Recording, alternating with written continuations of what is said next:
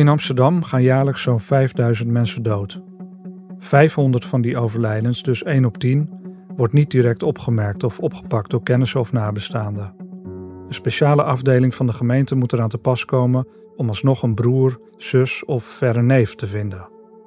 Als zelfs dat niet lukt, draait het uit op een eenzame uitvaart. Ik ben Joris van Kasteren, schrijver en coördinator van Stichting De Eenzame Uitvaart. Ik zorg dat de eenzame overledene alsnog een waardig afscheid krijgt. Door een dichter uit onze zogeheten pool des doods een gedicht te laten schrijven voor de overledene en voor te laten lezen tijdens de uitvaart. Over de vergeten levens van deze mensen schrijf ik in de Volkskrant. En die verhalen lees ik hier voor.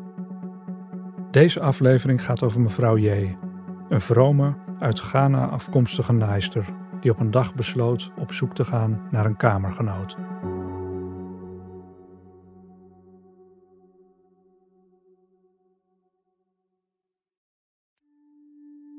Lok en nagel.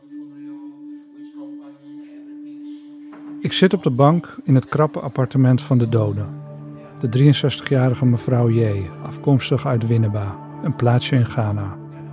Een potige pol met blonde krullen, de 39-jarige Boris Nowacki, heeft me binnengelaten. In strijd met de regels van het nogal sjovele seniorencomplex in Amsterdam Zuidoost verhuurde mevrouw J de slaapkamer van het appartement aan Nowacki. Zelf nam ze haar toevlucht tot het aan de open keuken grenzende berghok, waar het kindermatras waar ze op sliep en levenloos op werd aangetroffen ter in inpaste. Na de lijkvinding diende Nowacki de woning te verlaten. Omdat de Pool nergens naartoe kan, heeft de huismeester hem twee maanden respijt gegeven. De huismeester is coulant omdat onderhuur in het complex, waar volgens hem kwesties als prostitutie, drugshandel en illegale gokpraktijken spelen, als een relatief licht vergrijp geldt. Het uiterst spaarzaam gemeubileerde appartement is netjes onderhouden. Het laminaat glimt, het aanrecht is schoon. Op een kastje staat een oude televisie, waar mevrouw J. volgens Nowacki nooit naar keek. Wel kroop ze soms nog, ondanks de pijn in haar gewrichten, achter de Toyota-naaimachine. Het enige voorwerp in de woning dat iets van waarde lijkt te vertegenwoordigen.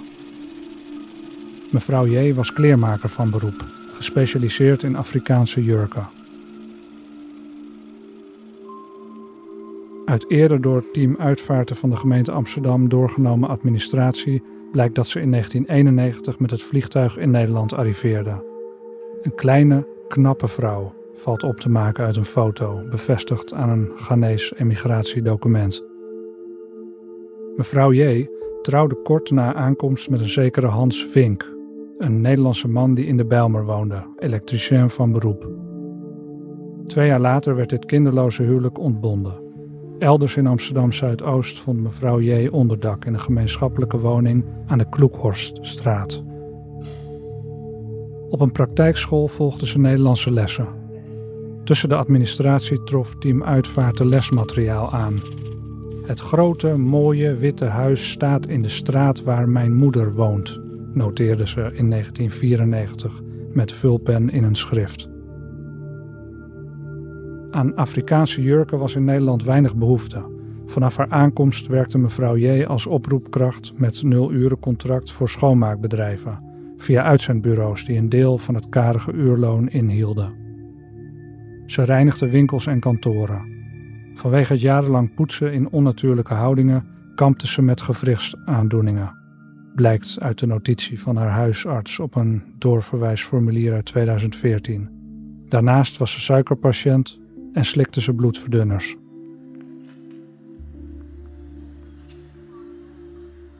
Mevrouw J. leefde zuinig. Geld dat ze uitspaarde stuurde ze naar haar moeder en andere familieleden in Winneba. Twee zussen van mevrouw J. waren eveneens in de jaren 90 naar Londen geëmigreerd. De relatie met hen was bekoeld omdat de zussen meenden dat mevrouw J. te weinig overboekte. Toen haar gezondheid verslechterde, raadde de huisarts haar aan te verhuizen naar een seniorencomplex, waar eventuele zorg eenvoudiger beschikbaar zou zijn. In dat wooncomplex sloeg de eenzaamheid toe. Er waren geen huisgenoten om een praatje mee te maken. Een Surinaamse buurman die al twintig jaar in het complex woont en geen idee had dat zijn buurvrouw, met wie hij nooit een woord wisselde, is overleden, zegt dat een groep criminele ouderen het complex onveilig maakt.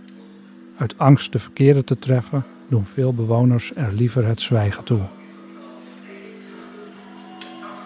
Mevrouw J.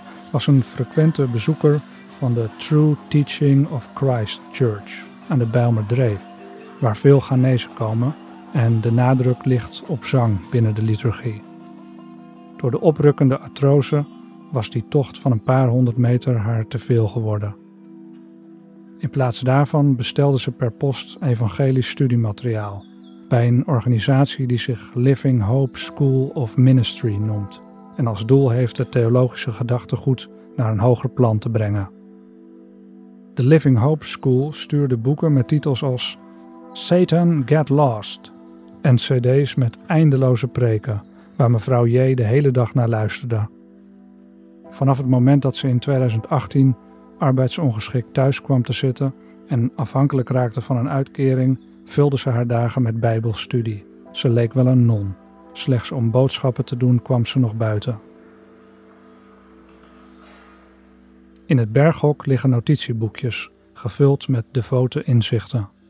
Recent nog wijden ze met bevende ballpoint uit over seksuele losbandigheid, die de mens weliswaar tijdelijk verlossing brengt, maar onverbiddelijk Gods toorn opwekt als voortplanting uitblijft.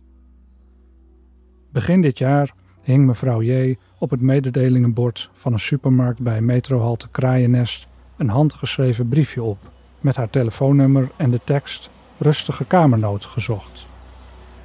Nowatski zag het briefje hangen en belde haar meteen. Aan de telefoon vertelde hij dat hij al tien jaar in Nederland werkte.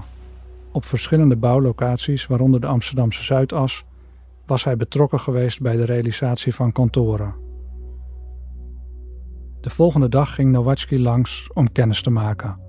Het seniorencomplex kwam grimmig op hem over, maar in de Bijlmerflat waar hij op dat moment een kamer huurde, samen met enkele luidruchtige landgenoten die hem met hun drankgelagen van zijn nachtrust beroofden, was het ook niet pluis. Het klikte tussen de fragiele Afrikaanse en de gespierde, montere Oost-Europeaan. Ze noemde hem een godsgeschenk. Hij mocht haar meteen bij haar voornaam noemen. De huur voor de slaapkamer en het gebruik van de gemeenschappelijke badkamer met toilet zou 400 euro per maand bedragen. Als borg moest Nowatski een maand extra huur betalen. Hij mocht zich niet inschrijven op het adres en diende contant te betalen. Het was niet goedkoop, maar voor huisvesting had Nowatski in het verleden wel meer neergeteld. Als arbeidsmigrant komt hij niet in aanmerking voor een sociale huurwoning. Zijn inkomen is te gering voor een huis in de vrije sector. Nog diezelfde week installeerde Nowatski zich in de slaapkamer. Hij hing zijn kleren op aan een wankelrek, legde gereedschap en bouwvakkershelm in de vensterbank. Op het plankje in de badkamer had mevrouw J. ruimte gemaakt voor zijn scheergerei en elektrische tandenborstel. Toen hij de slaapkamer betrok, werkte Nowatski in de buurt van Schiphol aan een kantoor van FedEx.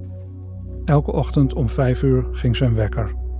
Hij kleedde zich stilletjes aan en sloop langs de half openstaande deur van het berghok waar mevrouw J. lag te slapen.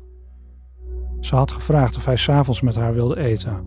Ik weigerde beleefd omdat ik niet wist of het voedsel dat zij bereidde mij wel zou smaken, zegt Nowatski.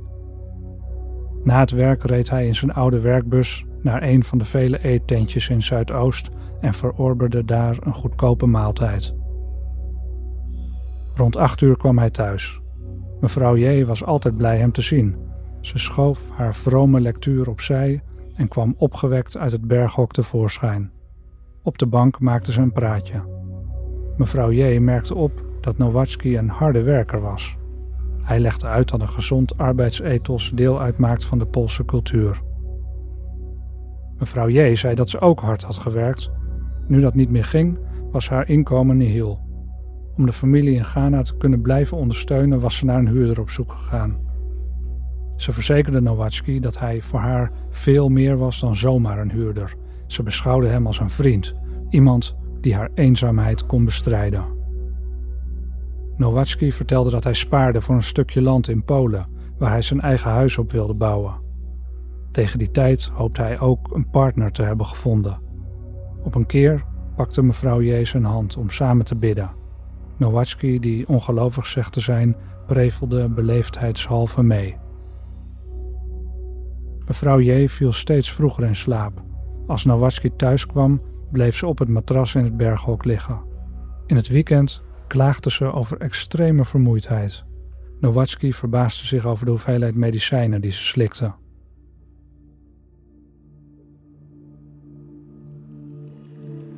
In juli was het erg heet. In het berghok had mevrouw J. een ventilator aangezet. Op een maandagochtend, in het weekend was Nowacki met een bevriende timmerman op pad geweest, wilde zijn werkbus niet starten. De wegenwacht kwam. De bus moest naar de garage. De reparatie duurde lang. Het was te laat om nog naar het werk te gaan. Nowacki at vroeg en was rond vier uur thuis. Mevrouw J. lag in het kamertje. Hij liep naar de deur en fluisterde haar naam. Het bleef stil. Ik dacht dat ze sliep. De volgende ochtend sloop hij stilletjes het huis uit. Mevrouw J. zweeg toen hij rond acht uur van het werk thuis kwam, ook toen hij wat harder riep. In de badkamer stelde hij vast dat haar handdoek al dagen op dezelfde plek hing. Woensdagochtend wilde hij haar wakker maken. Door de half openstaande deur zag hij haar benen op het matras. De ventilator zoemde. Ze reageerde weer niet op zijn stem. Hij durfde niet aan haar te gaan schudden. Ik kwam nooit in dat kamertje. Als ik haar plotseling aanraakte, zou ze zich misschien een ongeluk schrikken. Op het werk maakte hij zich zorgen. Tijdens de lunch belde hij haar tevergeefs en stuurde een bericht dat ongeopend bleef. Ik zag toen dat ze op zondag voor het laatst actief was op WhatsApp. Na het werk reed hij direct naar huis. In paniek belde hij zijn ouders in Polen. Die zeiden dat ik meteen naar binnen moest gaan. Bevend stapte Nowacki over de drempel. Het lichaam van mevrouw J. voelde koud aan. Hij zag gestold bloed in haar neus. Het leek een eeuwigheid te duren voor de ambulance kwam. Al die tijd zat Nowacki naast het matras. Hij bad voor mevrouw J. Ik zei: Sorry, ik geloof niet in u, maar deze mevrouw verdient uw genade. Agenten en een schouwarts verschenen. In het gerechtelijk laboratorium waar mevrouw J. grondig is onderzocht, bleek dat ze al enkele dagen dood was. Vermoedelijk is mevrouw J. in haar slaap overleden. Een hersenbloeding wordt waarschijnlijk geacht. Dit tot opluchting van Nowacki en zijn ouders, die vreesden dat de situatie als verdacht aangemerkt zou kunnen worden. Ik kom uit een nette familie, zegt hij. Ik zou haar nooit iets hebben aangedaan. Uit de administratie blijkt dat het geld dat hij mevrouw J. betaalde naar rekeningen in Ghana is overgemaakt.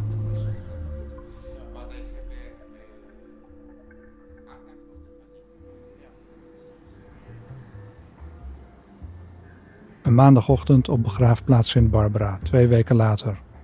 Bij aanvang van de plechtigheid komen twee huilende vrouwen de aula binnen. Het zijn de zussen uit Londen. Via de Ghanese ambassade heeft team Uitvaarten meteen na het overlijden de familie van mevrouw J. aangeschreven. Pas gisteren heeft het bericht de stokoude moeder in Winneba bereikt. Zij droeg haar dochters op direct naar Amsterdam te vliegen. Met mij. Goedemorgen, benen die net niet buiten de deur van mijn slaapkamer uitsteken. Goedemorgen, leven dat zich af blijft spelen tussen zingen, bidden, baden, een nieuwe jurk maken met dieren en kleuren uit Ghana en een rok waarin ik rond zal draaien. Goedemorgen, of is het nacht? Schildpadden, vlinders, gazellen, die ik bijna aan kan raken. De zussen uit Londen hebben niets kunnen voorbereiden. Ze zijn blij met deze huldeblijk. Ze hebben één verzoek: of de kist kan worden opengemaakt. De oude moeder heeft gevraagd om een pluk haar van haar dochter en liefst ook een stukje nagel. Daarmee kan in Ghana een bepaald ritueel worden uitgevoerd om mevrouw J. zielenrust te verschaffen. Een van de dragers verklaart zich bereid de gunst te verlenen. Terwijl de zussen buiten wachten, draait hij de sluitschroeven los en tilt de deksel van de kist. Met een schaar uit het kantoor, aangereikt door de begraafplaatsmedewerker, verwijdert hij een grijze lok. De nagel lukt niet. Deze schaar is bot, zegt de drager. De deksel gaat weer op de kist. De schroeven worden stevig aangedraaid. De zussen nemen genoegen met de lok die in een plastic zakje wordt verpakt.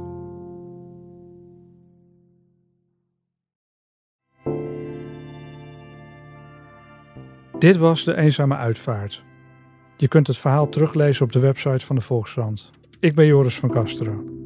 De dichter van dienst was Maria Barnas. De illustraties bij de verhalen en deze podcast zijn gemaakt door Merel Corduener. Montage en sounddesign zijn gedaan door Daan Hofstee. Dank aan de gemeente Amsterdam en Stichting De Eenzame Uitvaart. Vergeet niet een beoordeling achter te laten. En voor meer podcasts van de Volkskrant kun je kijken op volkskrant.nl/podcast.